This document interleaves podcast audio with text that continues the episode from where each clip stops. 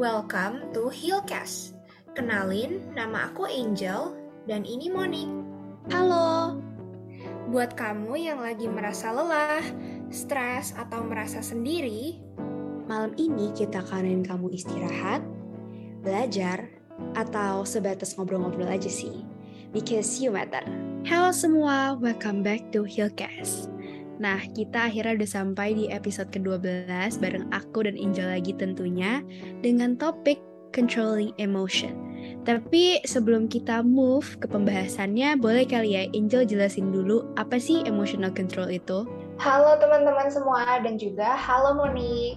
Nah, aku mau kasih tahu teman-teman nih apa itu emotional control.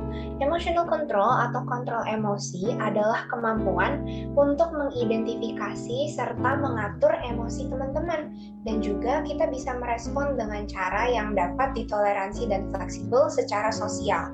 Dan juga teman-teman bisa mengontrol emosi sendiri dalam waktu yang spontan. Nah, aku mau tanya lagi nih sama Monik.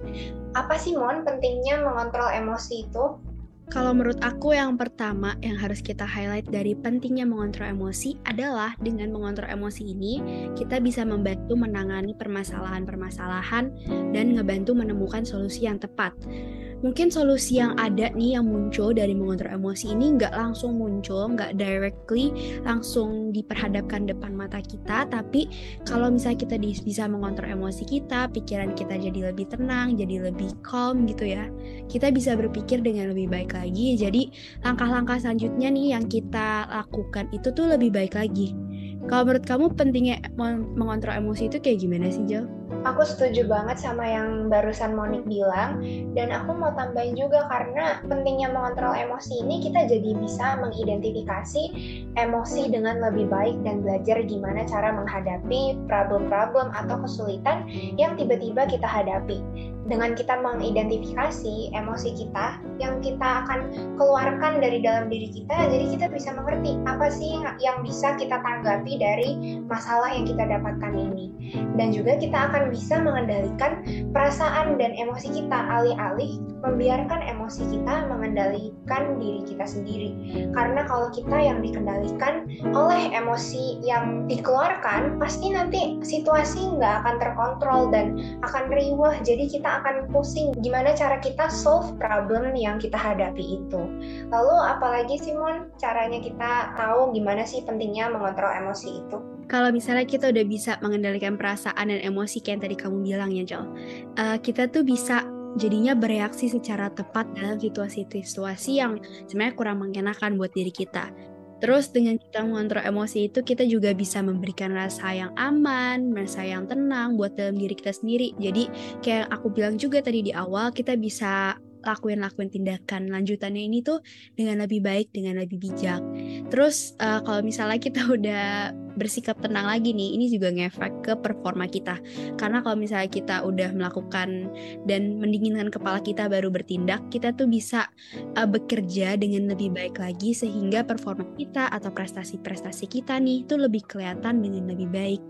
Tapi kalau misalnya kita cuma tahu pentingnya mengontrol emosi doang, kayaknya ya mungkin sebagian dari kita udah tahu ya. Tapi aku pengen tanya deh ke Angel, uh, kenapa sih seseorang bisa kehilangan kontrol emosinya gitu? Biar kita bisa lebih tahu nih cara biar kita bisa uh, mencegah hal-hal tersebut terjadi. Nah, kalau ditanya kayak gitu, mungkin yang pertama adalah karena banyaknya pekerjaan yang kita dapatkan, tapi banyaknya pekerjaan ini kita dapat di waktu yang sempit di waktu yang mepet-mepet banget. Jadi kita pusing nih gimana sih caranya kita menyelesaikan pekerjaan-pekerjaan yang kita dapatkan yang diberikan oleh orang lain, oleh situasi gitu-gitu. Dan mungkin terlalu banyak mengikuti organisasi-organisasi ya, Mon. Karena jujur organisasi-organisasi itu menguras waktu dan tenaga. Jadi teman-teman bisa coba untuk maintain untuk mengerti apa saja yang teman-teman butuhkan, apa yang teman-teman perlukan dalam organisasi-organisasi yang teman-teman ikuti. Dan juga karena kita masih pelajar nih, mungkin karena ulangan atau tugas-tugas yang kita dapatkan tuh banyak banget, jadi kita bisa pusing nih gimana cara uh, nyicil, cara belajar, cara mengcover semuanya, mengcover semua yang kita dapatkan dari sekolah itu. Lalu apalagi ya Mon, kenapa bisa orang tuh kehilangan kontrol akan emosinya? Aku pengen dambahin satu lagi. Ini tuh karena lebih ke tekanan-tekanan yang diberikan oleh lingkungan sosial sih. Kalian familiar gak sih sama the term uh, FOMO?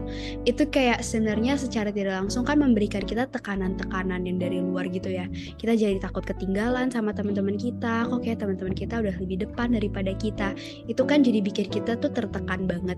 Dan kalau misalnya kita udah tertekan nih, biasanya kita tuh kehilangan kontrol akan emosi-emosi yang pengen kita tunjukkan ke orang lain lain jadi kita kayak ngedumel sendiri terus kayak ngomel-ngomel sendiri jadi kayak kita nggak bisa mengontrol emosi itu uh, dan kita nggak bisa seleksi mana sih emosi yang sebaiknya keluar dari diri kita dan yang sebaiknya ya kita biarkan itu jadi kita sortir itu dalam diri kita sendiri gitu loh Jel. Oke, terima kasih Moni. Nah, karena kita udah tahu nih apa sih pentingnya mengontrol emosi, lalu juga kita udah tahu kenapa seseorang bisa kehilangan kontrol akan emosinya.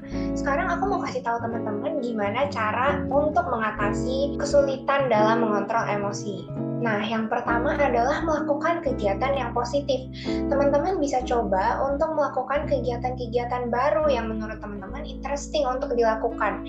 Yang dari awal, dari dulu teman-teman penasaran tapi belum kesampaian, teman-teman bisa coba untuk lakukan kegiatan itu. Jadi misal, kalau aku beri contoh adalah uh, belajar bahasa baru, mungkin belajar bahasa Jerman gitu ya, belajar bahasa Prancis.